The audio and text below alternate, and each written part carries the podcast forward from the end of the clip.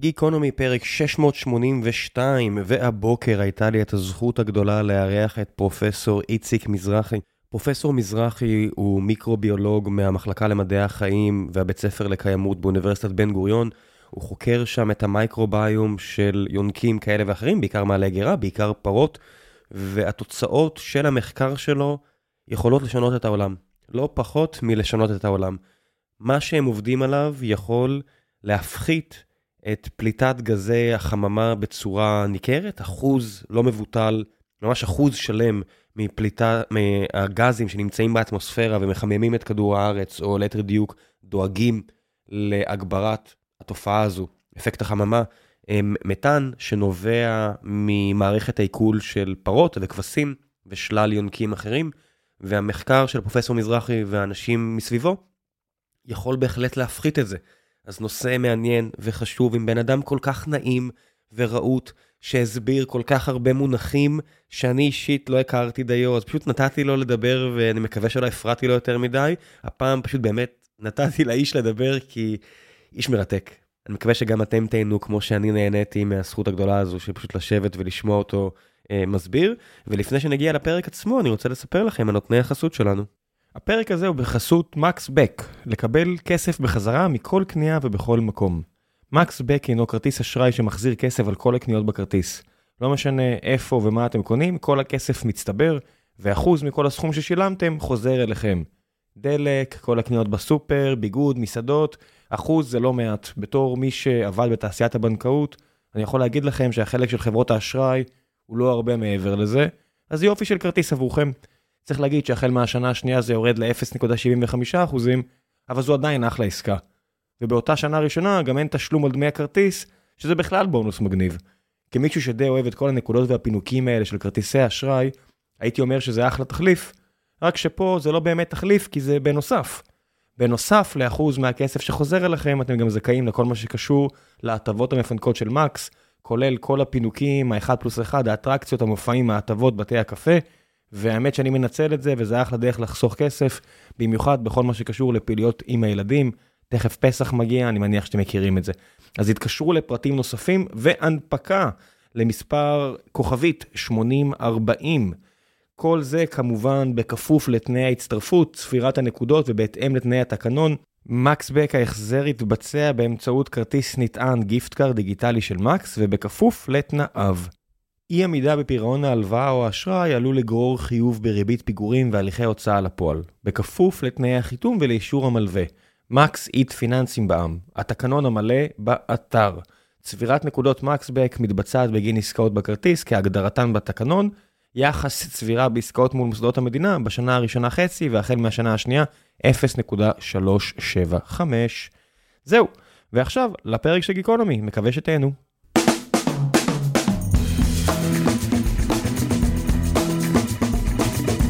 גיקונומי פרק 682, והבוקר יש לי את הזכות הגדולה לארח את פרופסור איציק מזרחי, מיקרוביולוג מהבית ספר לקיימות באוניברסיטת בן גוריון, ושלל אה, אפיליאציות כאלה ואחרות שאתה הולך למלא עכשיו. בדיוק.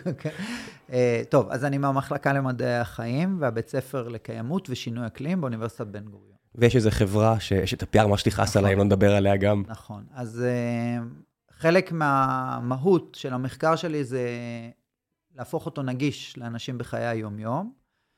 ואחת מהדרכים אה, בדיעבד, היום אני מבין, להפוך מדע בסיסי לנגיש לאנשים בחיי היום-יום, זה פשוט אה, לדבר דרך הכסף. אה, קרי, ברגע שאנשים או גופים גדולים רואים שאפשר להפוך ידע בסיסי למשהו יישומי שיכול לשרת את האנשים בחיי היום-יום ואפשר להרוויח מזה כסף, קל הרבה יותר להשמיש את זה, ולכן פתחנו את רומינרה, שהיא בעצם חברה שהמטרה שלה לפתור אה, בעיות של מה שנקרא אבטחת מזון, food security באנגלית, תכף אני אסביר גם למה זה כל כך חשוב, וכפונקציה ישירה של אה, פתירה של בעיות כאלו, בו זמנית להתחשב בבעיות אחרות שנוצרות תוך כדי שאנחנו מייצרים מזון, כמו פליטה של מתאן לאטמוספירה, שזה גז שהוא מאוד אה, עוזר לחמם את כדור הארץ, מה שאנחנו לא רוצים שיקרה. מתאן זה בסופו של דבר אה, תוצרי לוואי של מערכת העיכול של יונקים כאלה ואחרים, נכון? כן. או מצד אחד או מצד שני. נכון, אז אולי אני אתן ככה שתי מילים, או ש... כמה. מילים שאתה רוצה. אוקיי, אז בעצם בכל סביבה שבה אין חמצן, החיים על פני כדור הארץ התחילו כחיים בלי חמצן. בכל סביבה שבה אין חמצן ויש פחמן דו-חמצני, בדרך כלל בתהליך של תסיסה, בדיוק כמו שיש לנו בבירה, או כשאנחנו מייצרים אה, לחם, בכל תהליך של תסיסה שאין בו חמצן, בסוף ייווצר לנו מתאן. ומתאן זה בעצם פחמן דו-חמצני, עם עוד אה, סוג של גז, שנקרא מימן, שמחובר אליו, זה בעצם פחמן, C, וארבעה מימנים H. וברגע שאנחנו מקבלים את המולקולה הזו, המולקולה הזאת יכולה להיות גז, כמו שהגז שאנחנו מבשלים עליו, אה, או פשוט להיפלט לאטמוספירה, בצורה של גז, ואז היא כמו שכבה של פלסטיק מסביב לכדור הארץ. למה בעצם למשל אה, מתאן, הרי אני מכיר את זה שזה בתהליכים של תסיסה, אז באמת זה מסביר למה זה בקיבה של יונקים, אבל למה למשל אם אני מגיע לאתרי הטמנה של פסולת, גם יש איזושהי בעיה של מתאן? בדיוק מאותה הסיבה. מאותה סיבה, אותה תסיסה? בדיוק, אני כמעט עשיתי את מה שאני בדרך כלל עושה באוניברסיטה, עניתי לך בשאלה, נו, אתה תסביר לי. אוקיי. אבל בת- באתרים של פסולת, כמו מתחת לאדמה, כמו בקרקעית אה, אה, הים, ברגע שיש תסיסה, מיקרואורגניזמים נמצאים כמעט בכל מקום, שזה חיידקים ויצורים אחרים שהם מיקרוסקופיים, בכל אזור שהם קיימים ובו אין חמצן, ושיש פחמן דו-חמצני, התהליך בסוף יסתיים ביצירה של מתאן. ומתאן דליק, נכון? זאת אומרת, המימן, החלק המימני בסיפור הזה, לחלוטין. פלוס החמצן, עוזר לדלקה. לחלוטין. ברגע שיש לנו מתאן, זה מולקולה שיש בה אנרגיה, בעצם זה גז טבעי. מה שאתה מכיר כגז טבעי שדולים מקרקעית אה, הים, לצורך העניין, במצבורים, זה בעצם הגז הזה, הרבה ממנו זה הגז הזה, מתאן. אפשר לשרוף אותו, אפשר להשתמש בו. אומרת, אבל... כמובן עם תערובת עם גזים אחרים. כן, אוקיי, זה מה שרציתי להגיד. כן, כן, למקרה כן. שמישהו שואל למה מחיריה אין אה, כזה אסדת אה, גז, כי זה לא, הכ- הכמויות, המינונים הם לא אידיאליים. הכמויות אינן אידיאליות, אבל לצורך העניין, אם אנחנו... רומינרה בעצם מתעסקת, רומן זה האזור במערכת העיכול של מעלה גרה שבו מתרחשת התסיסה הזאת, ובעצם ברפתות היום, וגם במתקני טיהור שפכים, שגם בהם יש תסיסה בתהליך שהוא אנאירובי, חלק מהמתקן, ויש רפתות שהן גם עובדות ככה, חלק מהאנרגיה למתקן מגיעה בדיוק מהתסיסה הזאת, על ידי שריפה של הגז הזה. יש היום גם... אה, רגע, רגע, רגע. כן? איך אתה אוגר? מה, אני עומד ליד הפה של הפרה וכשהיא עושה אה, גרפס אני תופס את זה? מה... אז אני, אז אני אסביר. אז אולי נעשה אה, 30-40 שניות הסבר איך קהילות מיקרוביאליות מייצרות מתאן, באופן כללי, ואז אחר כך יהיה לנו קל אה, להבין ולקשר את זה לכל מיני תהליכים שאנחנו רואים באופן כללי, ואולי בסוף אפילו לדבר על אה, רומינרה. ש- כש- שיש את יחסי הציבור אה, לא תכעס עליי. בדיוק. וזו הסיבה ששלחו אותי לפה. אז, אז, כן. אבל זה חשוב להעשיר את הידע של הציבור. כן. אז, אז ככה, מיקרואורגניזמים, והסיבה שאני לא אומר חיידקים, כי לא כל היצורים המיקרוסקופיים הם חיידקים, חיים בקהילות. כלומר, מינים שונים שיודעים לעשות כל מיני דברים שונים. אז אם יש לי אזור שיש בו חומר אורגני, זה יכול להיות אה, מתחת לאדמה, באדמה, אה, רפת, מערכת העיכול של בני אדם, או קרקעית אה, של הים. אה, באזור הזה בעצם יהיו כאלו שידעו לפרק את החומר האורגני, כן? זה יכול להיות עשבים, ו- ויהיו אחרים, מינים אחרים, שידעו לקחת את התוצרים של הפירוק הזה, ולהשתמש באנרגיה שלהם לשלב הבא. אחד מהשלבים האלו זה לקחת מימן, גז מימן, שנוצר בתהליך התסיסה, ופחמן דו-חמצני שגם נוצר בתהליך התסיסה, לחבר ביניהם ולהפוך את זה למתאן. והתהליך הזה חוזר על עצמו כמעט כל מקום, בכל מקום בטבע, הפונקציות האלו חוזרות על עצמן, לפעמים המינים שונים, וברגע שהתהליך הזה נוצר ומתאן מיוצר, נעצרת בו אנרגיה שמגיעה מהמימן הזה או מתהליך התסיסה, ואז אפשר להשתמש בה. שאלת תם בשלב הזה, סטוגריים קטנים. אה, בסופו של דבר, זה לא שהטבע פה כדי לעזור לנו ליצור את הגזים, אני לא יודע שהיה איזשהו תהליך אבולוציוני שדחף את החיידקים האלה. מה, הם משתמשים בתוצרים האלו כדי להתקיים בעצמם? בדיוק. מה הם עושים בעצם פנימית אצלהם? הרי חיידק זה לא וירוס, זה יצור די גדול בסך הכל. אנחנו מבינים אותו לא מעט. מה, מה, למה החיידקים צריכים את החומרים האלו? כמו כל יצור על פני כדור הארץ, חי, וירוס לא נופל להגדרה של חי. כל מי שעכשיו עושה ארץ כן. חי אה, עכשיו אה, עוצר את עצמו ולא יקבל פה את התשובה, לא, התשובה לא. תהיה מפה. בדיוק, ו- ויחסית די גדולים, בדרך כלל חיידקים נעים בתחום המיקרון, אבל כמו כל יצור חי, אה, מה שחיידקים עושים, זה מנסים לאצור אנרגיה כדי לקיים חיים. היקום שואף לאי סדר.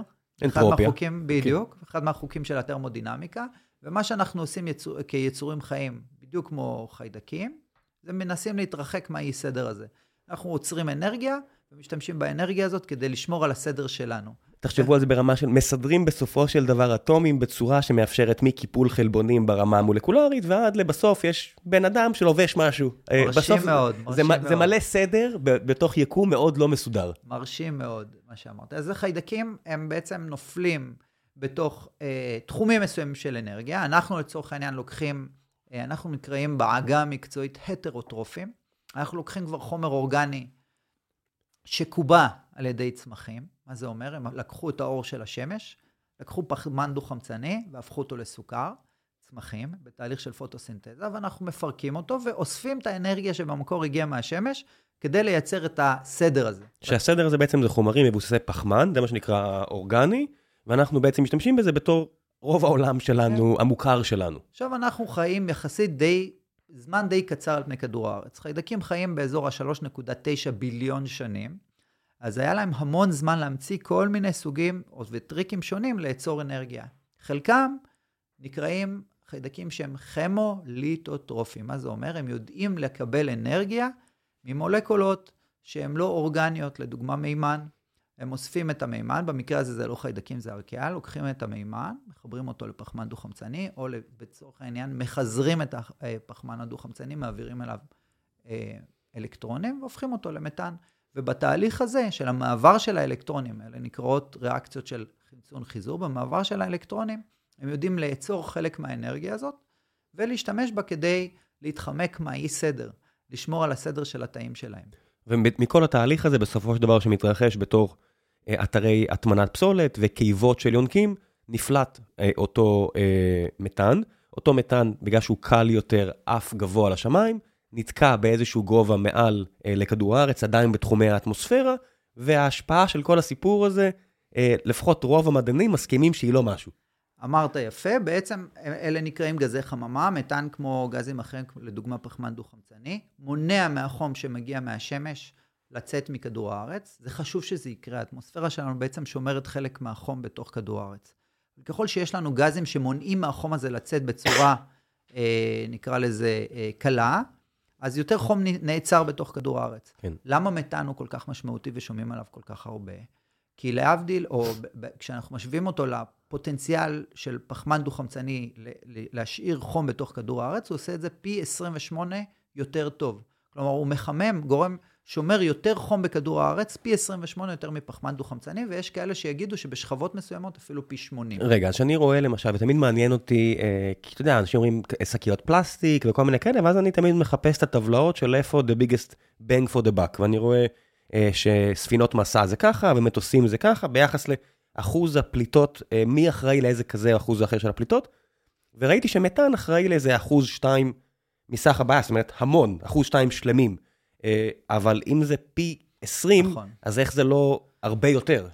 אז אני לא יודע איך זה לא, אבל אני לא יודע, כשאתה מדבר על כמות הפליטות, האם אתה מדבר על פוטנציאל החימום. הבנתי, הבנתי את הטעות שלי. הסיבה שמתאן הוא, הוא יעד, היא נגזרת משני טעמים. הטעם הראשון הוא, הרגע דיברנו עליו, הפוטנציאל שלו לחמם הוא הרבה יותר גדול. הטעם השני, זה שהיכולת שלנו להשפיע על הפוטנציאל חימום שלו היא משמעותית. ולמה? כי להבדיל מגזים ח... אה, אחרים, זמן מחצית החיים שלו באטמוספירה יחסית די קצר. כלומר, הוא שוהה עד עשר שנים, זמן מחצית החיים. חצי מהמולקולות נעלמות תוך אה, עשר שנים, בצורה הפשטנית של לתאר את זה. ובעצם אם אנחנו נפחית את כמות הפליטה שלו לאטמוספירה, אנחנו נפחית את הפוטנציאל או את הסיכוי של, של ההתחממות הכללית של כדור הארץ. שאפשר להגיע לאיזושהי אה, הקלה משמעותית אה, בזמן סביר של שנים, זאת אומרת, כמו שראינו למשל, הבעיה של האוזון, אם אתם בני 35 אה, פלוס, כנראה שכשהייתם ילדים, שמעתם, או בני נוער, שמעתם על בעיית החור באוזון, בעיקר מעל אוקינאווה, ניו זילנד, אוסטרליה, לא יודע מה, היום זו בעיה פתורה. אמרת יפה, ראם. נכון, אז זו בעצם, האד... זה בעצם האתגר אה, שניצב, לדעתי, בפני הדור שלנו. אמ, אנחנו מדברים על זה המון שנים כבר, אה, ואני חושב שעכשיו, כשאנשים מתחילים לשים לב לסביבה שלהם, או לפחות לטמפרטורות, אנחנו מבינים שזה אתגר אקוטי. זה בעצם אתגר אה, שהוא כפול אה, בראייתי, וזו בעצם המוטיבציה שלי לפתוח או לעזור בהקמה של רומינרה. אה, מחד, אה, האוכלוסייה על פני כדור הארץ של בני האדם גדלה כל הזמן. יש צפי די קודר שבאזור 2050 אה, רעב, כלומר אנחנו כל הזמן מגדילים את האוכלוסייה והמשאבים נשארים פחות או יותר אותו דבר. ויש צפי שבאזור 2050 היחס בין כמות המזון לכמות האנשים יהיה אחד לאחד. אנחנו, בגלל שאנחנו בני אדם, אנחנו לא מחלקים את המזון בצורה אחידה, ולכן המזון מרוכז באזורים מסוימים. והרעב יגדל בצורה משמעותית על פני כדור הארץ. עכשיו, בואו רק חשוב לי לעצור, כי יש הרבה אנשים שיחפשו את הדקויות כדי להיתפס עליהן. כן, אני מניח שגם אתה כמוני ראית את התחזיות שאפילו בסין האוכלוסייה תרד, בטח באירופה, בטח במדינות מערביות. מצד שני, יש מקומות עצומים באסיה, אם זה הודו או אפריקה, שבהם קצב גידול האוכלוסין כל כך גבוה, שהוא יותר מיפצה על אה, הת, התמתנות כמות האנשים במקומות אחרים, אכן. עשירים יותר, ולכן הצפי למספר האנשים בכדור הארץ עדיין, הוא לא, אין עדיין סוף לזה מבחינת הגידול. זאת אומרת, אכן. הנטייה היא עדיין למעלה. אכן, וגם עכשיו אנחנו כבר בבעיה, גם היום. אה, והיא רק מחמירה. ומאידך גיסא, בזמן שאנחנו מייצרים מזון בצורה אינטנסיבית, מכורח זה שאנחנו בני אדם, ואנחנו לא עושים את זה בצורה שהיא ברת קיימא, אנחנו משפיעים על כדור הארץ בצורה שלילית. אחד מה... אה, נקרא לזה תעשיות שהכי משפיעות בצורה שלילית, זה תעשייה של אה, ייצור חלב ובשר. אה, בעיקר בשר יותר מאשר חלב. יש כמעט 1.5 ביליון פרות על פני כדור הארץ. אני מניח שתכף שאלה של למה שכולנו לא נהפוך להיות טבעונים תבוא, אבל זה לא קורה כרגע. בארצות הכי... שאלה, אם, אם אני לא טבעוני, על מה אני אשאל על אחרים? אתה יודע, בדיוק. כל אחד יכול לשאול את עצמו, למה אתם לא טבעונים? אתם לא. בדיוק, ו- וגם אם מסתכלים על אזורים כמו ישראל, שבה אחוז הטבעונים יחסית די גדול, אנחנו מדברים על כן. אחוזים בודדים, לעניות דעתי, הגבוה בעולם עם עשרה כן, אחוזים. נכון. אנחנו מגיעים ל-10 אחוזים, זה אומר ש-90 אחוז עדיין שותים חלב ואוכלים בשר. לא רק שותים חלב ואוכלים בשר, בכמויות עצומות. למרות שיש לנו את אחוז הטבעוניים הגבוה בעולם, שוב, לעניות דעתי, גם אחוז תצרוכת הבשר שלנו, לפחות עופות, היא מקום ראשון בעולם. ביחס פר קפיטה, כמובן, כן. פר קפיטה. וזה אומר, אם אנחנו חוזרים לנושא של המתאן, אה, ותכף נדבר על למה זה קורה במעלה גרה בצורה כל כך אקוטית, אה, זה אומר שה... אנחנו לא הולכים להפסיק לשתות חלב כאנושות, או לאכול בשר, לפחות לא חלב. חלב, דווקא באזורים שציינת, כמו אה, אפריקה, הודו וסין, זה בעצם מקור תזונה מאוד מאוד מאוד חשוב, כי הוא מכיל גם ויטמינים, גם חלבונים, גם סוכרים, ודווקא באוכלוסיות שהן, אה, אין להן נגישות לכל ה-AMPM שלנו יש, או הטיב טעם וכיוצא בזה, אה, לכוס חלב יכולה בעצם אה, לשמור על הבריאות בצורה יחסית די טובה באזורים שבהם אין נגישות גדולה לכלל המרכיבים שמאוד מאוד חשובים לקיום שלנו. ולכן, כנראה שאנחנו הולכים להמשיך לשתות חלב כאנושות.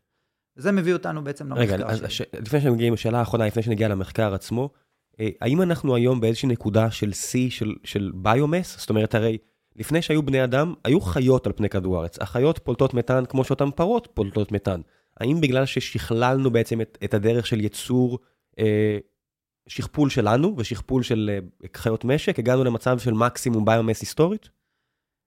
כן, בוא, בוא, אז כן, אבל עם מגבלות. אני עכשיו עושה עוד 60 אה, שניות אה, הסבר. אז אנחנו באיזשהו שלב בתקופה הנאוליתית, לפני עשרת אלפים שנה, הבנו שפרות, ותכף נבין גם למה, וכבשים, יכולים לקחת צמחים, לאכול אותם ולהפוך אותם לחלב. הצמחים האלה, כמו שאמרנו קודם, אוספים אנרגיה מהשמש, הופכים אותה לפחמן. אנחנו, ואף יונק אחר, גם לא פרות, לא יכולים לקחת עשבים ולהפוך אותם למשהו שאנחנו יכולים להשתמש בו. ברגע שהבנו שאיכשהו היצור הזה מסוגל לעשות את זה, אני יודע שיש פה פרדוקס באיך שאני מדבר, אבל תכף נבין גם למה, אה, אנחנו בייתנו אותם. ברגע שבייתנו אותם, התחלנו להגדיל את הכמויות שלהם בצורה אה, אה, משמעותית. ועברנו גם באיזשהו שלב לחקלאות שהיא אינטנסיבית. זה אומר שאנחנו מגדלים אותם בכמויות מאוד גדולות ובצורה מאוד מאוד יעילה.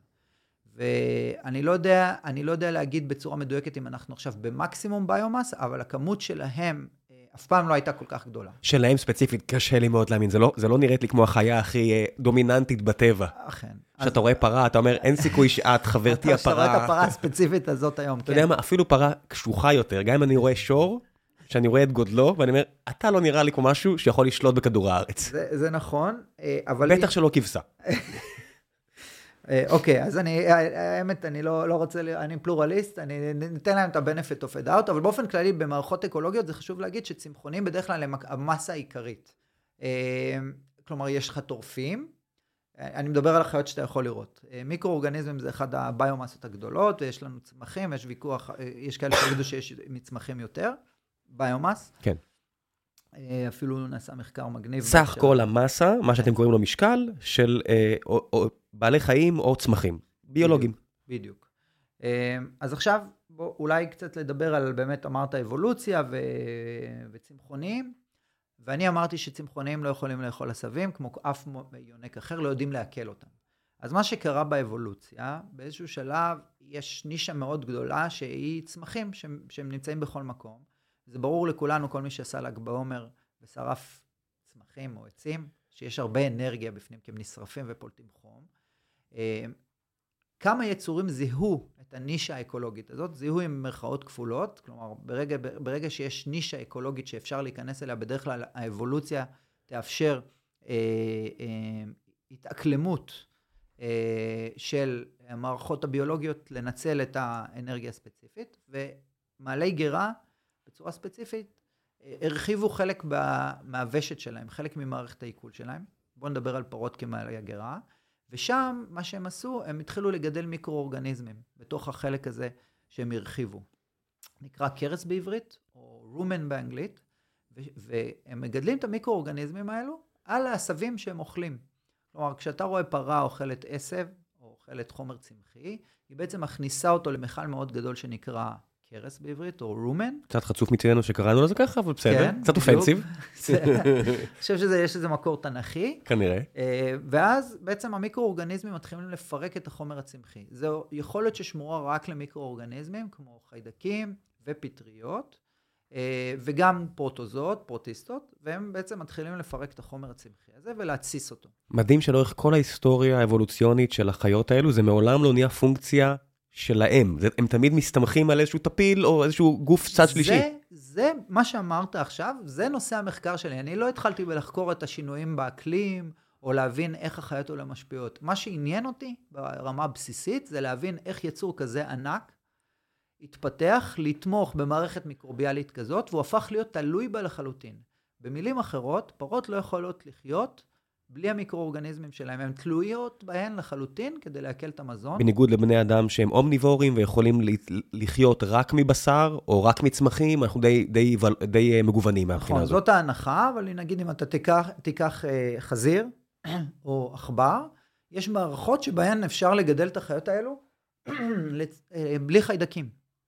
זה, אתה אומניבור ויש לך מה שנקרא simple gut, מעי פשוט. אתה מכניס את המזון, אתה מפרק את רובו בקיבה, ואז הוא נספג אה, במעי וגם באזור מיד אחרי הקיבה, אה, ובעצם אתה משתמש באנרגיה ש, שאתה מפרק במזון. אה, פרה לא יכולה לעשות את זה, היא תלויה לחלוטין במיקרואורגניזמים שלה, כדי שיפרקו את המזון, אז הם בעצם מתסיסים את זה לחומצות שומן נדיפות, אלה מולקולות כימיות קטנות שנספגות דרך הדופן של מה שקראנו לו קרס, וזה 70, בערך 70 אחוז מהאנרגיה ש, של הפרות מגיעות משם. והתאים של המיקרואורגניזמים האלה מתרבים, הם משמשים כמקור החלבון של פרות. בעצם פרות אוכלות את תוצרי התסיסה של המיקרואורגניזמים ואת המיקרואורגניזמים עצמם, ובעבור זה הן מספקות להם אה, בית אה, וטמפרטורה קבועה ואוכל. ובעצם יש לנו סיביוזה מוחלטת. שזה אותו תהליך שאנחנו רואים למשל בקופים גדולים, זאת אומרת, אני רואה למשל שימפנזה ענקית כזאת שיש לה מסת שריר שאין אף בן אדם שיכול לפנטז עליה, גם לא משנה כמה זמן הוא יחיה בחדר כושר, ואני רואה שהם רק אוכלים עשבים כל היום. הם, אה, אה, שימפנזות, המעי של שימפנזות דומה לשלנו, אה, יש לנו מחקר עכשיו שעדיין לא התפרסם, שם אין התססה. של המזון ודרישה רק של האנרגיה שמגיעה מההתססה הזאת. להם יש מעי שבו הם קודם, או מערכת עיכול, שקודם מפרקים את המזון, אבל בגלל שהם אוכלים הרבה אה, מזון, הם אומניבורים כמונו, כלומר, הם יכולים לאכול גם בשר, הם יכולים לאכול אה, אה, הרבה, נקרא לזה, אה, סוכרים ואנרגיה שיכולה להיספג בצורה ישירה. פירות יער וכו' וכו'. בדיוק, כי, כי אם פרה תעשה את זה, בעצם המיקרואורגניזמים יפרקו את זה קודם, אה, והם משתמשים בזה, והרבה מהחומר הצמחי שהם אוכלים כן נעקל, והיום אנחנו יודעים שיש אצלהם מיקרואורגניזמים שאולי היו אצלנו פעם באבולוציה, והם די נכחדים, היכולת לפרק את הצלולו זאת התאית.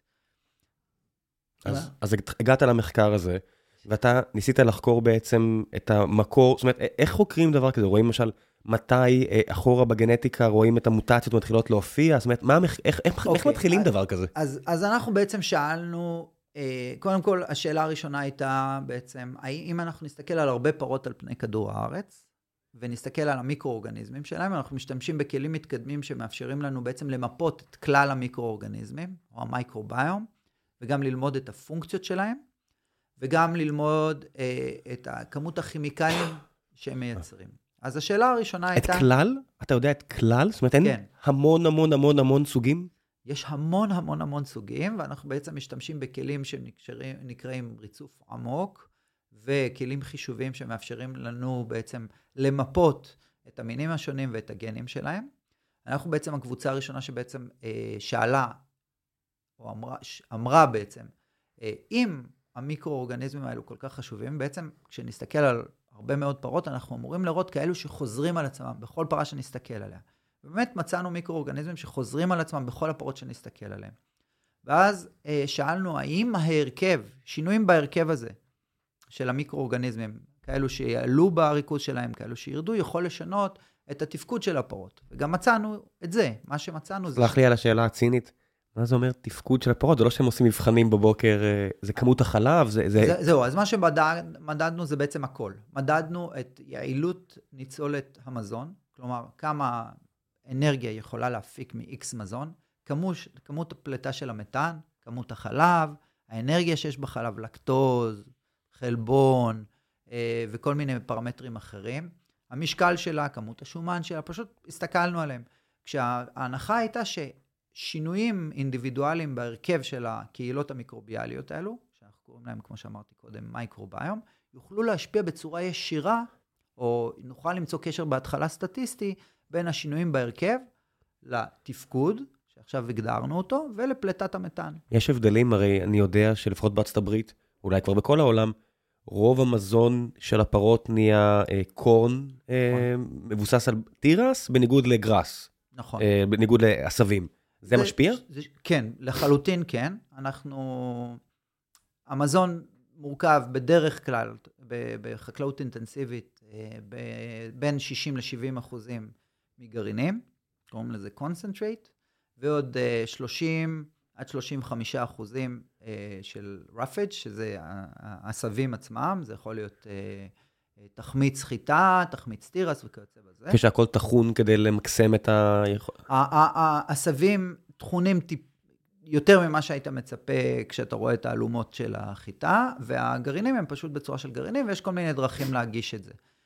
ו- ולחלוטין כן, לשאלתך, אנחנו יכולים היום, אחרי הסתכלות על המון המון פרות, אלפים, אנחנו יודעים להגיד מה הפרה אכלה לפי ההרכב של המיקרואורגניזמים. כשאתה אומר מייקרוביום, אתה מתכוון לאוכלוסיות וירוסים, חיידקים או הכל?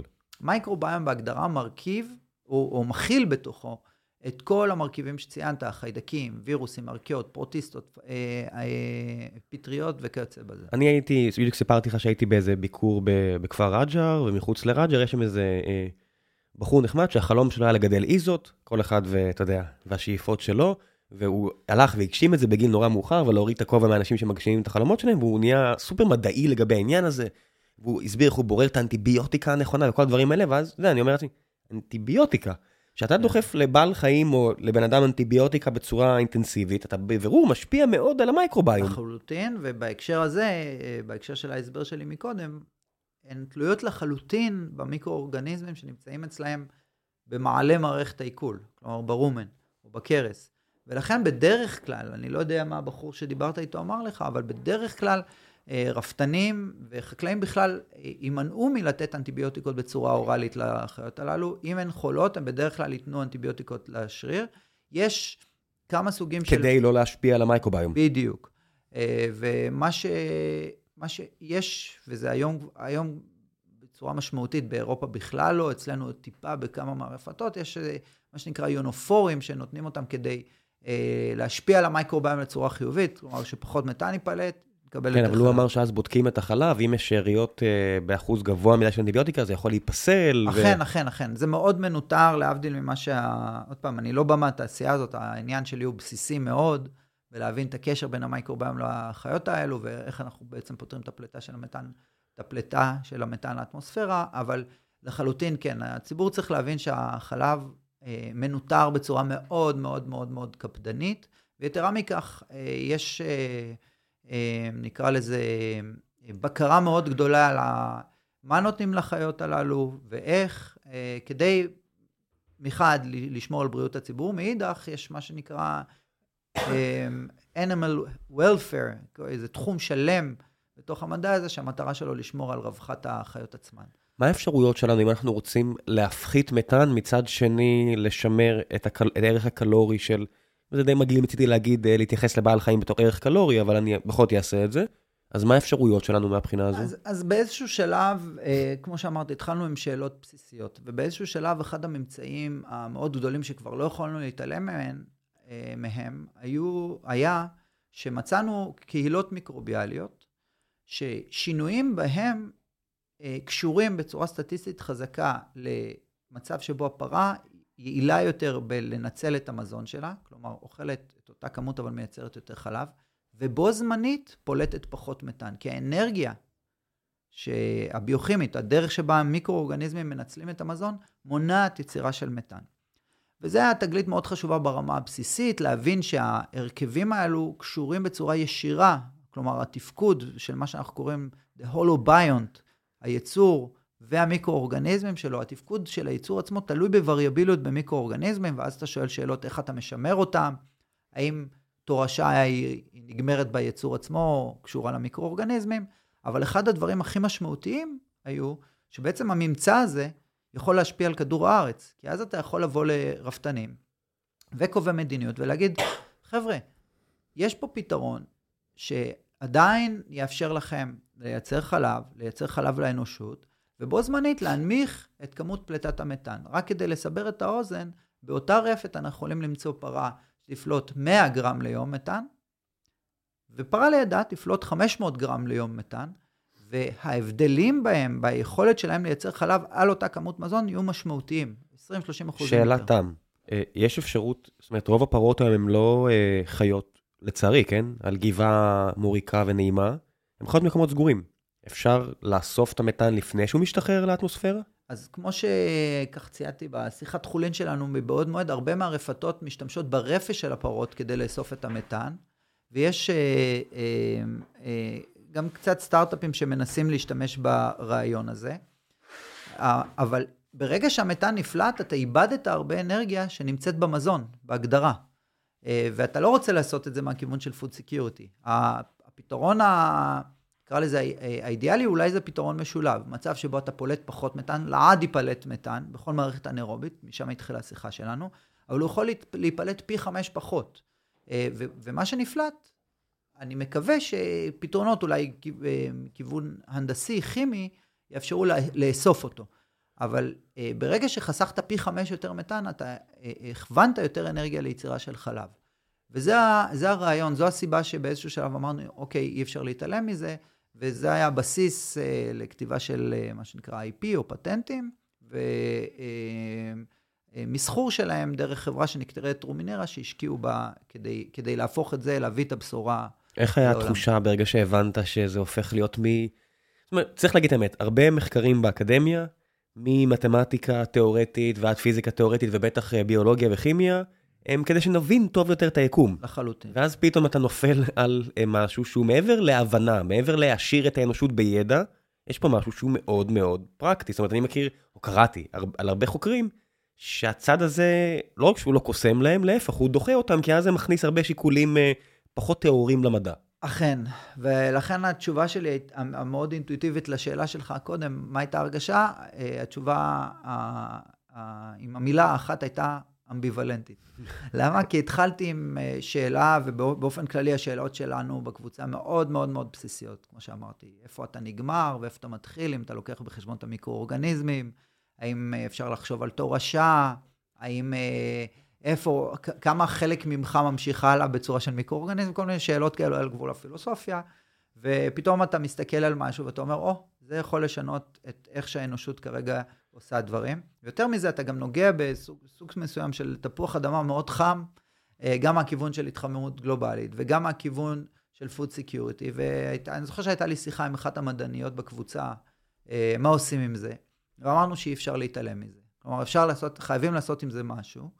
אה, וככה זה התפתח. בעצם החברות מסחור בבן גוריון ובמכון וולקני, שם התחלתי עם המחקר הזה, אה, הפכו את זה למשהו שהוא יותר אה, יישומי, או העבירו את זה למשקיעים כדי אה, להפוך את זה למשהו יותר יישומי, ובעצם רומינרה היום, שזו החברה שקמה כתוצאה מהממצאים האלו, שמה לעצמה יעד להקטין את הפליטה של מתאן לאטמוספירה. שבערך... יש עליך איזשהו לחץ לדחוף את המחקר יותר לכיוון הפרקטי מאשר ל... לא, לחלוטין לא. זה היה חלק מאוד מאוד בסיסי בתקשורת אה, עם האנשים שרצו מאוד להשקיע, אני אמרתי שקודם כל אני מדען, אני משמש כיועץ בחברה הזאת. המחקר שלנו ממשיך כמחקר בסיסי בקבוצה עצמה. כלומר, אני מדען לכל דבר באוניברסיטה, אני מלמד מיקרוביולוגיה באוניברסיטה, כן. ממשיך את החיים שלי כמו שאין. אה, אני לא חושב שיש מקצוע יותר טוב מלהיות מדען. סלח לי על השאלה. אה, אתה מלמד בבן גוריון. נכון. אני מכיר את באר שבע לא רע, נולדתי שם, חייתי שם לפחות חצי מהחיים שלי. אין פרות באזור של האוניברסיטה. אה, אה, איך, אה, אתה יודע, אני מניח שפרות זה חלק לא מבוטל מהעולם שלך. אכן. איפה הן אותן פרות שאתה עובד איתן? היי חבר'ה, לפני שנחזור לפרק הזה עם פרופסור מזרחי, אני רוצה לספר לכם על נותני החסות הנוספים שלנו, והפעם זו חברת המזרנים והמצעים, פנדה. אני אישית קניתי את המזרן של הילד שלי בפנדה, עוד לפני שעשיתי את החסות הזו, זה היה בצורה מאוד אובייקטיבית. אם תשתמשו בקוד הקופון גיק למען 15% הנחה על כל האתר, גם תסמכו אותי אישית וגם תקבלו מחיר מעולה מעבר למחירים המנצחים שיש להם. הם יכולים להציע מחירים כאלה מוצלחים על המוצרים הבאמת טובים שלהם, שהם יודעים לשלוח לכל חלקי הארץ, בגלל שאין להם אה, חנויות. הכל באינטרנט. הגישה של מספר מותגים מרחבי העולם שהצליחה לצמצם עלויות, אז גם פנדה עושים את זה פה בארץ. אני אישית מאוד מרוצה, קניתי מלבד את אותו מזרן של הילד גם uh, כריות ושלל uh, פריטים אחרים לחדרי השינה שלנו. מאוד מרוצה מהם אישית, אז מה מעבר לחסות שהיא כנה מהצד שלי, עוד לפני השיתוף פעולה המסחרי הזה, השתמשתי במוצרים שלהם, נהניתי מהם, אז הנה, המלצה אישית ממני, פנדה, כל מה שאתם צריכים, לחדר השינה, תשתמשו בקוד הקופון GEEK, G-E-E-K, למען 15, הנחה על כל האתר. ועכשיו, בחזרה לפרופסור איציק מזרחי, מקווה שאתם נהנים. אז, אז עוד פעם, היתרון בלהיות מדען. אה, א', אנחנו שותפים ועושים מחקרים בכל העולם. גם ברגעים אלו, אה, נכון לעכשיו, היום פספסתי את השיחה, יש לנו פרויקט אירופאי שנקרא הולו רומיננט, ששואל על התקשורת הזאת בין המייקרוביום להתפתחות של הפרות, והוא קורא על פני כל אירופה, וגם אזור, אה, מדינות שהן לא באירופה, והמחקרים הגדולים שתיארתי לך קודם פרוסים בין ישראל להרבה מדינות בעולם. אה, וגם רפתות כמו גברעם, נגיד אה, גברעם זה קיבוץ שאנחנו עובדים בו המון המון המון בגלל, אה, ואם יובל שומע את השיחה הזאת, אז בגלל המנהל רפת והאח שלו, דן ויובל, שהם מקסימים, וסטודנט שלי לשעבר שבא מהקיבוץ, יואב שעני. שפשוט אז... הם, הם פשוט נורא אכפתים לעולם הזה, והם התנדבו לעשות מאוד. את זה? כן, כן. רפתנים בארץ שלנו, זה מהשיר של היודע חקלאי פיקח, מאוד פתוחים למדע, מאוד אכפת להם. אה, ואז אז ברגע שעברנו דרומה, אני במקור מתל אביב, עברתי דרומה עם המון המון אידיאולוגיה, חלק מהרומינרה ממוקמת בדרום, המטרה היא לספק מקומות אה, תעסוקה איכותיים לחבר'ה שלומדים בבן גוריון. אז ברגע שעברנו דרומה, בו זמנית חיפשתי רפתות, ואחת מהרפתות וואו. אה, זה בגברעם. אבל כמו שאמרתי, אנחנו, המחקרים והממצאים שלנו, מאוד חשוב לי שהם יהיו גלובליים, כי בסופו של יום, יש לך צ'אנס אחד uh, לעשות, uh, או שניים, לעשות שינוי גלובלי, וזו המוטיבציה. אה, והיום האתגרים שעומדים בפני האנושות... זה ממש נדיב, אתה יודע, למישהו שיש לו שני צ'אנסים, אתה יודע, זה קצת אה, כן. הסיפור הזה על אה, ג'וזף פלר, שאמרו לו איך אתה נכון. מרגיש עם זה שלא תכתוב עוד יצירה כמו מלכוד 22, הוא אומר, הרוב לא כתבו גם אחת כזו, אז זה נכון, בסדר. נכון. זה, אם תפחית את פליטות הגז לאטמוספירה באחוז אחד שלם, זה אחלה, אתה לא צריך עוד משהו. אני מסכים. אני חושב שאני אחזיר את המפתחות בצורה מאוד... מרוצה מעצמי אם אני, אם אני אצליח. זה, זה פרק אחר. ראיתי איזה, איזה קטע תיעודי על אלברט איינשטיין, שאתה יודע, רוב האנשים אה, בטוחים שאתה יודע, שיחק אותה, אבל הם לא מבינים שיש בסוף גם בן אדם, שאם הוא עשה גילויים כאלה בגיל צעיר, בסוף הוא הסתובב בפרינסטון כבן אדם המון שנים במסדרונות, וכולם אה, הסתכלו עליו בתור הזקן הסהרורי הסלב. שלא תורם כבר הרבה זמן. אכן, אכן. בסוף, אתה יודע, אנחנו לא נגמרים ברגע שהפרסום שלנו יוצא החוצה. זה נכון לגמרי. אז, אז עוד פעם... אבל זה כבר שיחה אחרת. בדיוק, בדיוק. אז, קודם כל תעשה את האחוז ההוא, ואז נדבר על כן, מה אתה עושה הלאה. לגמרי. אני, אני מאוד מקווה שבאמת יצלח, ואני באמת מאמין שאם אנחנו נתמיד אה, וניישם את הממצאים האלו, כי מאוד קשה לשכנע היום קובעי מדיניות כמה זה חשוב. אנחנו במשך עשור וקצת מדברים על זה, ואני חושב שהמודעות הגיעה בכמה שנים האחרונות. גם במדינות, וסלחו לי על הביטוי, מתוקנות כמו דנמרק או גרמניה. שם הרבה יותר. כן, אוקיי, כי זה לא, זה לא סין או ישראל או אפריקה, ש... יש מדינות שממש אכפת להן מהדבר הזה. אז, אז אני חייב לומר שוב, ישראל, צריך להבין, בכל התחום של החלב, ישראל אחת המדינות הכי מתקדמות בעולם. אבל כשמדברים על הסביבה... אני מדבר על הסביבה, אני לא מדבר על אה, להגדיל את ה... אז ישראל חתמה לאחרונה על אחת האמנות החשובות, ואני חושב שהיא עכשיו הצטרפה למשפחה של מדינות ש, שיש להן אה, מחויבות לנושא. אה, אבל כן, יש מדינות שזיהו את הבעיה הזאת הרבה קודם והקשיבו למדענים הרבה קודם. אם אתה מסתכל על הגרף של אה, עלייה בריכוז המתאן באטמוספירה וההתחממות, אה, קשה מאוד להתעלם. כלומר, זה לא גרף שאתה צריך להיות איזשהו מדען אה, עילאי כדי להבין אותו, זה פשוט עולה בלי, וזה לא, לא מפסיק. אין אנשים ש... זאת אומרת, יש אנשים שלפחות על מטען טוענים שאין השפעה של בני אדם? לא, אומרת, אני לא חושב. אני חושב שעצם לא העובדה לא... שהבאנו את המצב שיש 1.5 מיליארד פרות, זה די אנחנו. אכן, אכן. אה, וגם אתה רואה עוד פעם, גם הפליטה של פחמן דו-חמצני התחילה בצורה, יש ספייק מאוד גדול במהפכה התעשייתית, וזה רק מאז. אז בוא נגיד ששם לפחות אני, אני יכול לדמיין ויכוחים. ויכוחים, אני אומר, על מתאן, על משהו כזה, לא. זאת אומרת, על מה יכול, זאת אומרת, אני בטוח שיטחנו אותי בתגובות על דברים שאני לא אומר פה, אז, אבל... זהו, זהו, חשוב להגיד שאני לא מצאתי תחום אחד שיש לך 100% מהמדענים שמסכימים עליו, אבל אני לא מכיר uh, opposing opinions. על, מת, על מתאן ו... נכון, ופירות. אבל זה חשוב להגיד שזה היופי במדע. במדע מדע הוא לא דת, אין אמת אחת אבסולוטית. אנחנו כל הזמן פתוחים uh, לוויכוחים, ואתה יודע, ביהדות אומרים שאין אה, סכין מתחדדת אלא בירך חברתה, וזה בסדר. איפשהו המחלקה למתמטיקה עכשיו שומעת ואומרת, אנחנו לא, אצלנו זה דת, חברים. אצלנו זה מוחלט. אצלנו זה מוחלט, בנינו את זה מלמטה למעלה, זה רק אה, כל השאר. לא, גם אצלהם, אתה יודע, אני עוד פעם, אני מדבר בתחום שהוא לא לגמרי שלי, אבל אצלהם הם נמדדים ביכולת שלהם לפתור בעיות ובכמות השנים שבעיה לא פתירה, אה, למול האדם שפתר אותה. כלומר, אם פתרת בעיה שקיימת עשר שנים, אתה פחות טוב ממישהו שפתר בעיה שקיימת 50 שנה. גם אם הבעיה היא מטופשת בעליל ביחס לחשיבות שלה, אבל ככה זה, בעוד קשות. אה. חשוב להגיד, הרבה מהדברים שהם פתרו, שלהדיוטות זה נראה פשוט, היום משמשים לקידוד של אה. הטלפונים שלנו, כל מיני כאלה. כמה כן. עיגולים מכניסים לתוך משולש. לגמרי הדברים האלה, אני תמיד אה, מפציר באנשים לקרוא את הביוגרפיה של פאול ארדוש, אני חושב שזה נקרא האיש אוהב רק מספרים, ושכל החיים שלו הוא הסתובב ואמר להם, תראו, אני עושה רק מתמטיקה תיאורטית, אני לא רוצה להיות חלק מהעולם הזה שלכם, של הבני אדם הרגילים והתעשייה, ותורת הגרפים הפך את הבסיס של כל רשת חברתית, בדיוק, כל, בדיוק, הצע, כל הצער לא. בדיוק, ולכן אני אה, סנגור מאוד מאוד מאוד גדול של אה, מדע בסיסי. אני חושב שהדרך של האנושות לזוז קדימה זה פשוט לשאול שאלות אה, ש... היו פה. לא מעט חוקרים, ובלא מעט אני מתכוון לפחות מחמישה, אבל אתה יודע, אני, אני הלכתי ואמרתי לא מעט, שדיברו על uh, מייקרוביום של uh, בני אדם. כן. מ...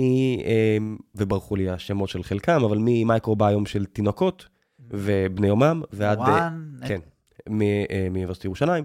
ועד מייקרוביום של uh, בני אדם בוגרים והיכולת וההשפעה של זה על uh, uh, השמנה ושלל בעיות אחרות. ערן? כן, בוודאי ערן. חברים טובים. כולם. אה, הקהילה שלהם היא מאוד מגניבה. כן, אנשים, המיקרוביולוגים אוהבים אחד את השני, והם גם אה, בדרך כלל נחמדים. כן, אה, בדיוק ראיתי עכשיו שערן עושה אה, מחקר על, אה, איך זה נקרא, דרמטיטיס או משהו כזה, הדמומיות בפנים, ואמרתי, יו, זה, זה כל כך אה, פרקטי ומגניב, כן. איזה כיף זה שזה הגיע לשם. ערן הוא רופא, אז אה, הרבה יותר קל לו לאתר את ה... אז זה מה שאני רוצה לשאול אותך, בסופו של דבר אתה מתעסק במייקרוביום.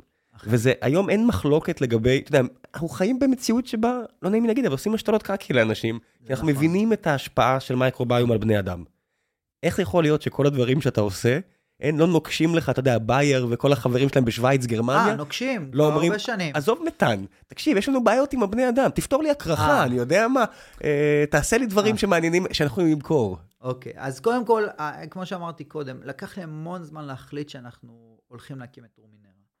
מהסיבות הפשוטות שאני מאוד מאוד אוהב לשאול, לשאול שאלות מאוד מאוד בסיסיות, ויישומיות היא חשובה.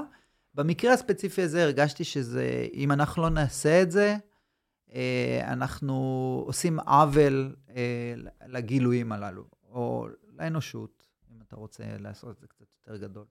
אה, בכל מה שקשור ל-Human Microbiome, א', יש מדענים שאני חושב שהם הרבה יותר טובים ממני בתחום של Human Microbiome.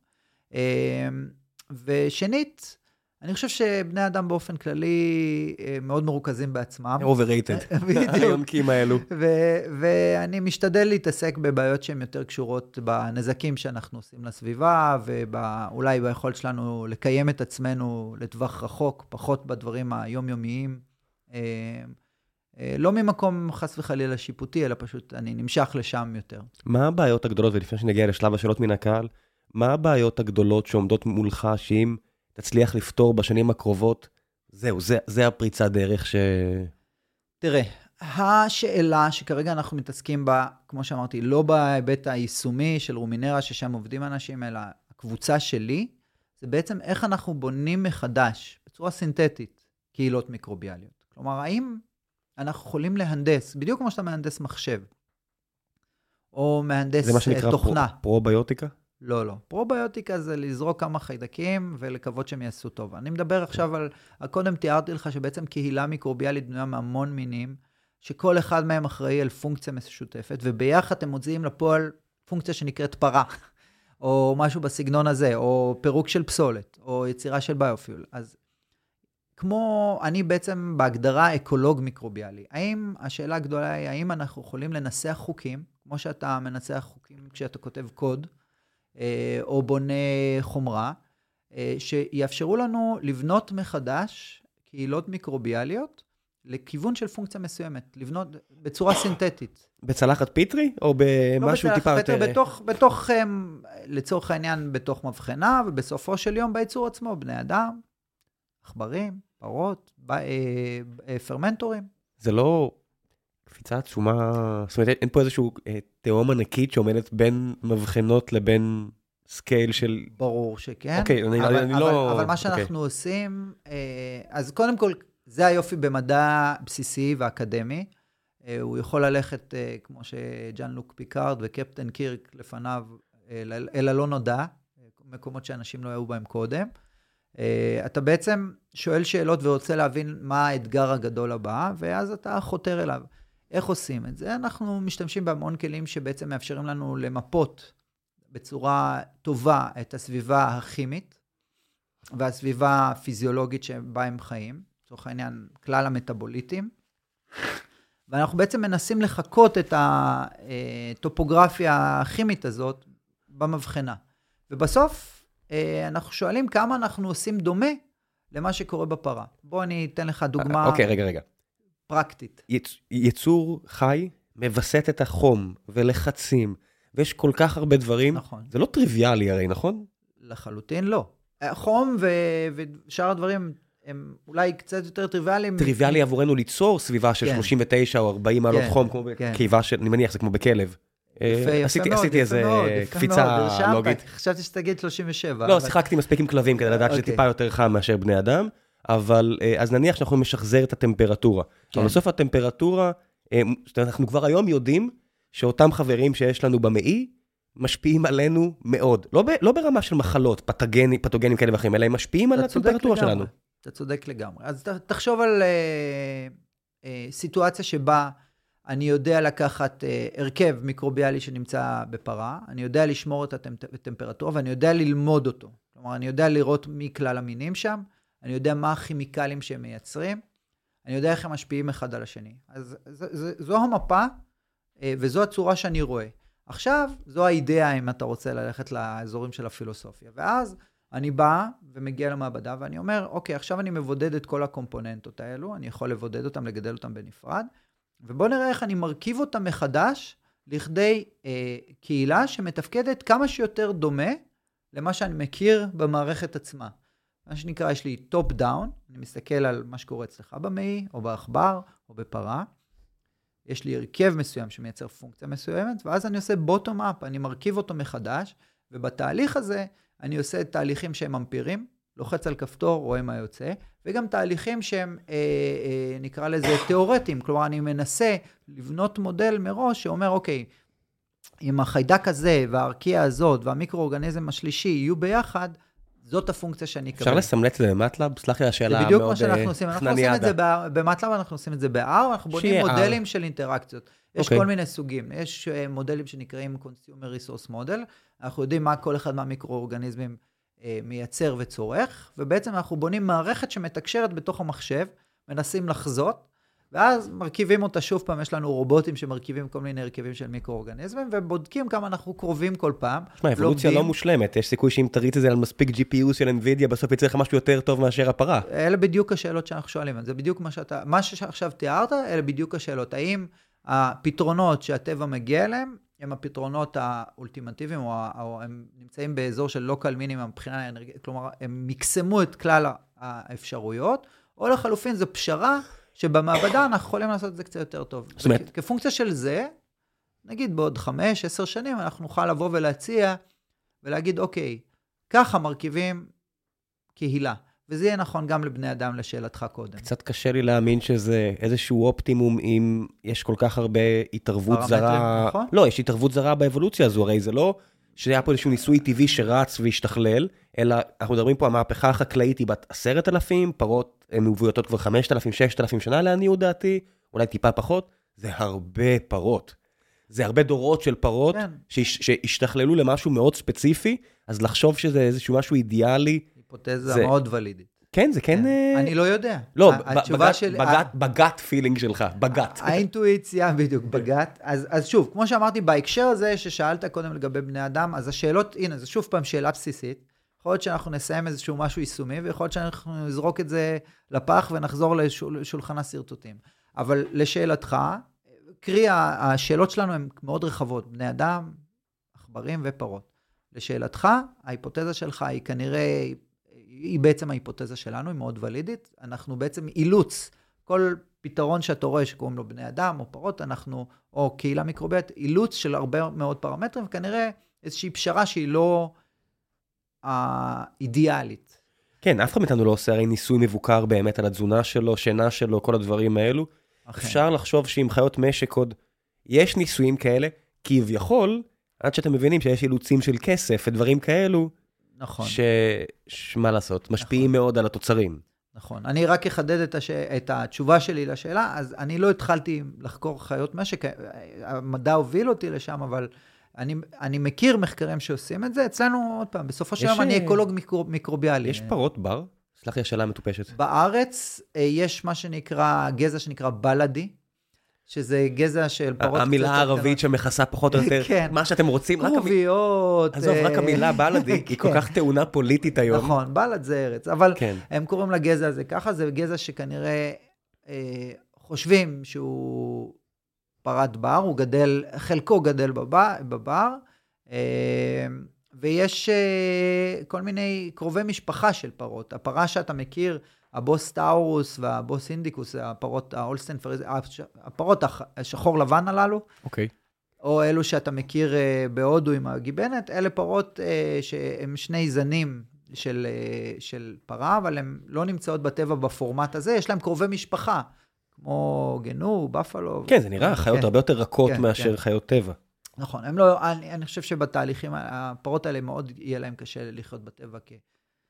כחיה, נקרא לזה, פראית, למרות שהבלאדי האלו שדיברנו עליהם, הם חיות בארץ, חלקן כעדר אה, פראי, הן היו הרבה יותר קטנות, יותר עמידות למחלות. כי גם. גמרנו את כל הטורפים הטבעיים, מה לעשות שברמת הגולן היו פעם אריות ודובים. זה אה, נכון. ובאנחנו, אני מתכוון בהתחלה טורקים, כן? כן. אה, אני לא, רק הציונות פה. אנחנו כבני אדם. כן, אנחנו כבני אדם די העלמנו, נכון, לא לפני המון שנים, אבל היה פה טורפים טבעיים שלא היו מאפשרים לח- לחיות כאלה. נכון, נכון. אבל אם תיקח פרה עכשיו מכל רפת שהיא ותיתן לה להסתובב, בדרך כלל תמות מאיזושהי מחלה, אה, או חיידק, או... כמו כולנו, אני יודע. כן, אם אבל תשים אותי הפרות גם... האלו איך שיותר, כן, אם אני אזרוק אותך בחולה איזה חודשיים, אני שלושה, אני חושב שתוך שבועיים אתה מוצא. אותי מתפגר שם, כן? בוא- בוא נשים דברים על- על דיוקם פה.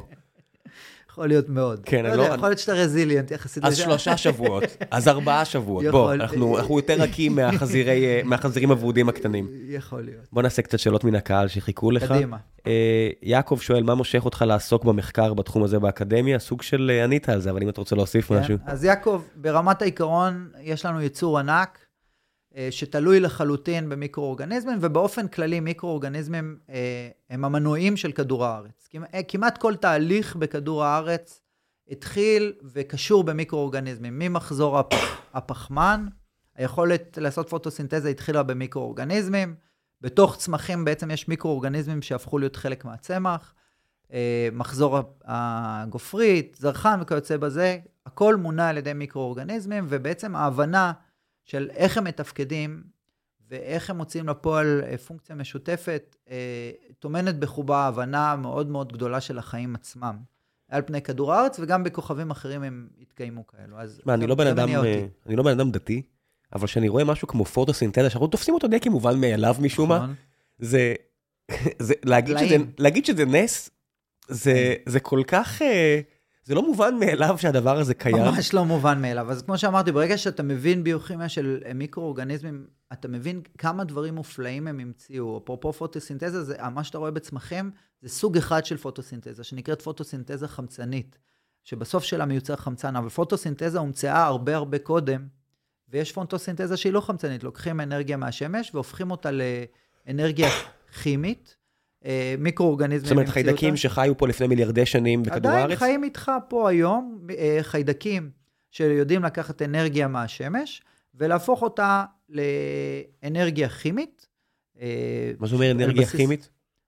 סוכר, אוקיי. בדיוק כמו שצמחים עושים, וגם יצורים שמהם התפתחו הצמחים, גם הם עושים פוטוסינתזה שהיא מייצרת חמצן ומייצרת סוכר בסוף. בעצם היכולת לייצר או ליצור אנרגיה מהשמש ולהפוך אותה לאנרגיה כימית התפתחה במיקרואורגניזמים. יש שלושה סוגים של פוטוסינתזה כזאת, שהיא לא חמצנית, אפילו טיפה יותר, אה, ו- ובעצם אה, הם נמצאים איתנו היום, וחשוב להבין שהסיבה שאתה נושם חמצן היום, היא לא בגלל הצמחים. השינוי בריכוז של החמצן באטמוספירה התחיל במיקרואורגניזמים שייצרו פשוט חמצן כפונקציה של... למה אתה מדגיש חשב. בעצם מיקרואורגניזם, מיקרו 10 בחזקת מינוס 6, מה מיוחד בגודל הזה שאם זה מילי אורגניזמים או, או אורגניזמים רגילים, הוא כבר שונה מאוד.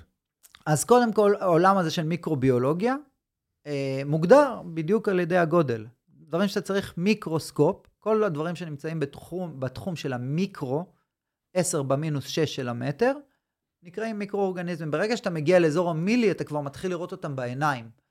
ואז ברגע שאתה מתחיל אותם, לראות אותם בעיניים... מילי זה אלפית המטר, אלפית כן. המטר אנחנו רואים בעיניים? 100, 100, כן, 100, נקרא לזה, כן, 100, עד 100, כן, מילימטר אתה יכול לראות בעין, זה לא? קינה? מה זה, מה זה מי- מילימטר? כן, אוקיי. מילימטר זה שאתה רואה בסרגל, ואתה יודע, כל סנטימטר מחולק אוקיי, למילימטר, אתה יכול לראות אותו. כן, כן, פרוש או ויש קינה. לך פרוטוזואה שהם כבר ב- עדיין ברמת המיקרו, אבל אתה כבר יכול לראות בעיניים. יש ננו, יש ננו אורגניזמים? ננו-אורגניזמים, אה, לא, כי כבר בתחום הננו אנחנו ב... מה זה וירוסים? וירוסים נעים, האמת שיש וירוסים זה שהם בתוך הננו, כי הם, הם עשרות ומאות ננו, כן, עשרות, אוקיי, כי זה הם כן. נכנסים לתוך התאים של המיקרואורגניזמים. נגיד בקטריופאז'ים הם הרבה יותר אה, קטנים. שזה המגה- וירוס. אה, כן. זה הווירוסים מגה הענקיים. וירוסים הם, הם בגדלים של חיידקים כבר, הם בתחום, בתוך המיקרו. מיקרו, כן, זה, היה פה מישהו שהסביר על זה יפה. אה, בוא נעשה עוד שתיים, שלוש שאלות. למה העלו רן בר, לא יודע אם זה שם אמיתי או לא, למה העלו את כמות הדיונים במעבדה של מיקרוביולוגיה? גמרתם את הסטודנטים. אני לא מבין על מה מדובר אפילו, אם אתה, זו שאלה קנטרנית, זו שאלה אז, אז, רצינית. אז, אז אני אענה להם כמו שאני עונה להם. הם לא שאלה קנטרנית. לא, על מה מדובר? אני לא מבין על מה מדובר. אז, אז אה, על מה? לומד בבן גוריון. למה? אז, אז אה, לנו מאוד חשוב, אני מלמד מיקרוביולוגיה, לנו כן. מאוד חשוב שמעבר למבחנים, פרופר, אה, הסטודנטים ידברו על הנושאים. זה לא ו- טריוויאלי? אה, זה טריוויאלי למי שאוהב לה- להתדיין, בדיוק כמו שאנחנו עושים עכשיו. אה, כי אז חייב להגיע לשיעור? זה הקטע? ח- לא, לא, לא חייב. כמו, הוא צריך להשתמש בידע שלו ולא להקיא אותו. הוא צריך לעבד אותו ולהפוך אותו לכדי... אה, אי- אפשר להגיע יומיים לפני המבחן, לראות מבחנים שעברו ולנסות לסנטז תשובות? אז, חלק מהציון במעבדה למיקרוביולוגיה אה, מתייחס ליכולת שלהם להתדיין על התוצאות וההבנה שלהם של מה שהם מקבלים. אה, ליבי ליבי לכל הסטודנטים שעכשיו כועסים עליך, כל שאני יכול להגיד לכם זה שבמרחק של 20 שנה, אני די מצטער שלא למדתי יותר מאשר סתם עשיתי מבחנים בתואר אז, שלי. אז אני אגיד לך מה שאני אומר להם, הסטודנטים בישראל, קרוב לוודאי, אחד מהם, מאחד המוסדות, יהיה חתן פרס נובל, או תהיה חתנה, אה, ח, חתנת פרס נובל. ואנחנו, כ, זה העבודה שלכם. כפרופסורים, אמונים על אה, לייצר אותם ככאלו. הם, אה, לצורך העניין, אה, חומר בידי היוצר, וחלק מהיכולת שלהם לחשוב מוגדרת על ידי היכולת אם שלהם אחת להתדיין. כזו תוריד אחוז אחד מפליטות הפחמן בעולם, זה די- זה די- זה די אני השפעה גדולה. מסכים, זה די. השפעה גדולה. אה, בוא נעשה עוד, בוא נראה מה עוד יש פה שלא ענינו עליו. אה, שאלו פה לא מעט על אה, יונתן דובי, שהיה פה בעבר, הוא דוקטור לכימיה באוניברסיטת בן גוריון, והוא אה, מבקר גדול של מדעי האקלים. אם יש לך, אה, אם אתה מכיר אותו, ומה דעתך על הביקורת של אנשים כמוהו על אה, כל מה שקשור למדעי האקלים? זה משהו שאתה אתה יכול אני- להגיב אני, עליו? אני, אני, אני לא יודע להתייחס בצורה ספציפית, אני מכיר את השם, מכיר אה, את הנושן בכללי, אני לא יכול להתייחס לטיעונים ספציפיים, מהסיבה הפשוטה שאני לא מצוי בזה, בזה עד, אה, עד עובי הקורה, אבל בהחלט אני, כמו שאמרתי קודם, היופי במדע זה שיש יותר מדעה אחת ואין אמת מוחלטת. אוקיי, אה, וזה בהחלט אה, יפה. אה, אסף לוי מחמיא לך פה מאוד, אומר שאתה חוקר מעולה וחמוד ומעורר השראה, ואחד מהאם לא אה. הוא שואל, אה, מה החלום המדעי שלך? החלום המדעי שלי. זו שאלה מאוד מאוד עמוקה וגדולה. אמ, אני. חושב... אה, מתמטיקאים, בדרך כלל אני שואל איזה בעיה אה, אתה רוצה כן, להספיק לראות כן. בחייך. אז כן. בביולוגיה זה קצת שונה.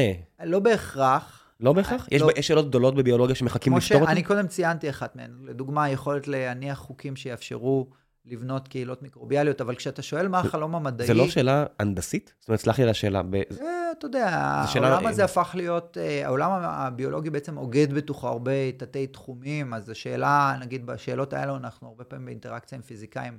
אבל מה שחשוב לי לומר לגבי השאלה של אסף, מאוד קל לי להגיד בצורה straight forward מה החלום המדעי שלי בהגדר, בהגדרה של מה השאלה שאני רוצה לפתור, אבל חלום מדעי הוא גם נגזרת ישירה של השאלה הקודמת, מה אתה משאיר אחריך, ומה שאתה משאיר אחריך זה מדענים. אה, מדענים ומדעניות. ומה שחשוב לי זה להשאיר דור שהוא אה, מספיק חזק אה, כדי שיוכל להתמודד עם האתגרים הבאים, אולי לפני אפילו לפתור את, את השאלה. אבל אם אני אצליח ל... לאפשר הנדסה של קהילות מיקרוביאליות בטבע, זה, זה יהיה בהחלט משהו ש... הוא שואל גם איך עדיין לא גמרו לך את הקורטקס בקרבות האגרוף שאתה עורך. על זה אני לא הולך לענות. כל- זה כל- מה שנשאר, אסף. כל אחד והרעל שלו. כן, כן. בסוף, אה, תשמע, זה גם משהו ש... בגלל שאני... הרבה שנים אני חובב ספורט זירה. אני מאוד אה, מאוד לא אוהב... ידעתי. אז אני מאוד מאוד אוהב ספורט זירה, ועם השנים, כשאתה נחשף, בטח בעשור האחרון, למחיר שהחבר'ה האלה משלמים, זאת אומרת, לפני אה, יותר מעשור, אה, בחור בשם נועד להט, שהתחרה ב-UFC בזמנו, אירח כן, אותי כן. בסן חוזה אצל החבר'ה שלו, שם הייתי שם שבוע, וישבתי עם החבר'ה שהם top of the top, זאת אומרת, כן, באמת כן. הם אלופי עולם היו שם, מקיין ולסקס ואחרים, ואתה בעיקר, מה שנחשפתי עליו בשבוע הזה, זה את המחיר הכבד, פיזי. כן. פיזי, שכלי, זאת אומרת, אתה, אתה, והם הם נורא פתוחים לגבי זה, אז, אז כן. שם, אתה יודע, אז הם מדברים על הפחד מנזק מוחי, אבל את הנזק הפיזי הוא עצום. כן. ואז, זה- ואז התחלתי לקרוא על אה, מדברים כמו, העובדה שככל שאנחנו חוטפים יותר מכות לראש, הגוף מפריש פחות טסטוסטרון. אז חלק מהם עושים TRT, אה, testosterone replacement therapy, כדי להשלים את החסר, ואתה אומר, המכונה הזו כל כך finely. tuned, כן. שכל אה, זפת לראש וחטפתי פשוט המון כאלו, אז התחלתי אה, לקרוא על זה. לא ידעתי שאתה מתאמן. לא, אז פחות אז מתאמן כמו מכיר פשוט חלק חסר... אה, מהתחביבים החשוכים שלי. אני לא, אני לא רוצה להגיד על עצמי, כי יש חבר'ה כמו נועד שאולי עכשיו מאזין, כן. ועם כל הכבוד, הוא מתאמן. אני אולי קצת שיחקתי בעברי, אבל הוא ממש עושה את זה, כן. ומאמן אנשים, אז אני בטח כל שלא. הכבוד לו גם. כן, בחור הוא מאוד, הוא הגיע למקומות... כן, אה, כן, בחור מאוד רציני, ו- וחבר'ה אחרים הוא שעכשיו... מייצג אותנו מאוד בכבוד. כן, כן, הרבה, חבר'ה. אבל כן, כן, והם היו פה, ואני מחזיק להם אצבעות, אבל אני לא יכול לברוח מזה, כמו ענפי ספורט אחרים שאני מאוד אוהב, כן. שיש מחיר לכל דבר שאנחנו עושים, אתה יודע. להכל. אבל אתה יודע, יש לפעמים, אה, זה לפעמים איזשהו בלנס בין אה, כמה, כמה אם אתה תמנע את האהבות האחרות שלך, כמה זה ישפיע על האהבות המרכזיות לצורך העניין. אה, בסוף זה ייגמר. Either way, זאת אומרת, יש את ה... נכון. יש כל מיני חבר'ה שנחשפתי אליהם, מריי קרצוויל ואחרים, שנורא רוצים לחיות לעד, ו- לא. וצר לי, אני לא חושב שזה יקרה, לפחות לא במובן שאתם נקראים חיים עכשיו. זה, זאת אומרת, אני מסכים. הם יהיו בלי המייקרוביום שלהם. זאת אומרת, כן. ברגע שאתה ת- תעביר את התודעה שלך למכונה, הווירוסים לא באים איתך, לא, ואז אני לא לא יודע יהיה מה... שם, לא יהיה כן, שם. אז אני לא יודע אם אי אפשר אפשר... יהיה לעשות אגרוף אולי, אולי וירטואלי. כן, אבל אז אז אולי אפשר לעשות גוף וירטואלי, אבל הווירוסים לא באים איתך, ואתה לא תהיה רעב, ואתה לא תהיה עייף, וזה אחר. עולם אחר. זה לא אתה, זה משהו אחר. נכון, נכון. רגע, ושאלה אחרונה שאני רציתי לשאול אותך. יש הרבה אנשים בנאסא שהם מיקרוביולוגים, שמחפשים איזה סלע על איזשהו סלע גדול אחר בעולם, והם יראו שם שאריות של, ביקום אולי. כן, על סלעים גדולים שרצים, אתה כן, יודע, כן. על, על כל מיני, אה, כן. על, על סלעים שמסביב לכוכבים אחרים שהם לא השמש, ומחפשים עדות, לא יודע איך אפשר מפה למצוא עדות, אבל נניח ויום אחד ננחת על מקום אחר ונראה שאריות של 10 במינוס 6 שהיה במקום אחר. כן. זה ירגש אותך? אותי? ברור. כי, כי אני מודה שאני, זה אומר שאו שהחיים התפתחו במקום אחר במקביל, או ש... יש סיכוי שלא, זאת אומרת, אני מסתכל? אני אומר, יש כל כך הרבה כוכבים עם כל כך הרבה סלעים מסביבם, זה נראה לי הגיוני שלפחות חיידקים היו, אני יודע. ברמה ההסתברותית זה הגיוני, אבל לשאלתך, אם יש סיכוי שלא, ברור שכן. כן, כמו כל דבר. כן, כמו כל דבר. כן. טוב, כמיקרוביולוג אני בטוח שזה ירגש אותך. אותי זה ירגש מאוד מאוד מאוד. אני מודה שכאדם מן היישוב, זאת אומרת, אני יודע שיום אחד בני אדם, אם ימצאו דבר כזה, זה יעורר המון, זה יהיה זה על השער של נייצ'ר לכל הפחות, וכנראה מישהו יקבל נובל על זה לכל הר- הפחות, הר- הרבה יותר, כן. אבל זה בסוף, ישנה את איך שאנחנו תופסים את עצמנו.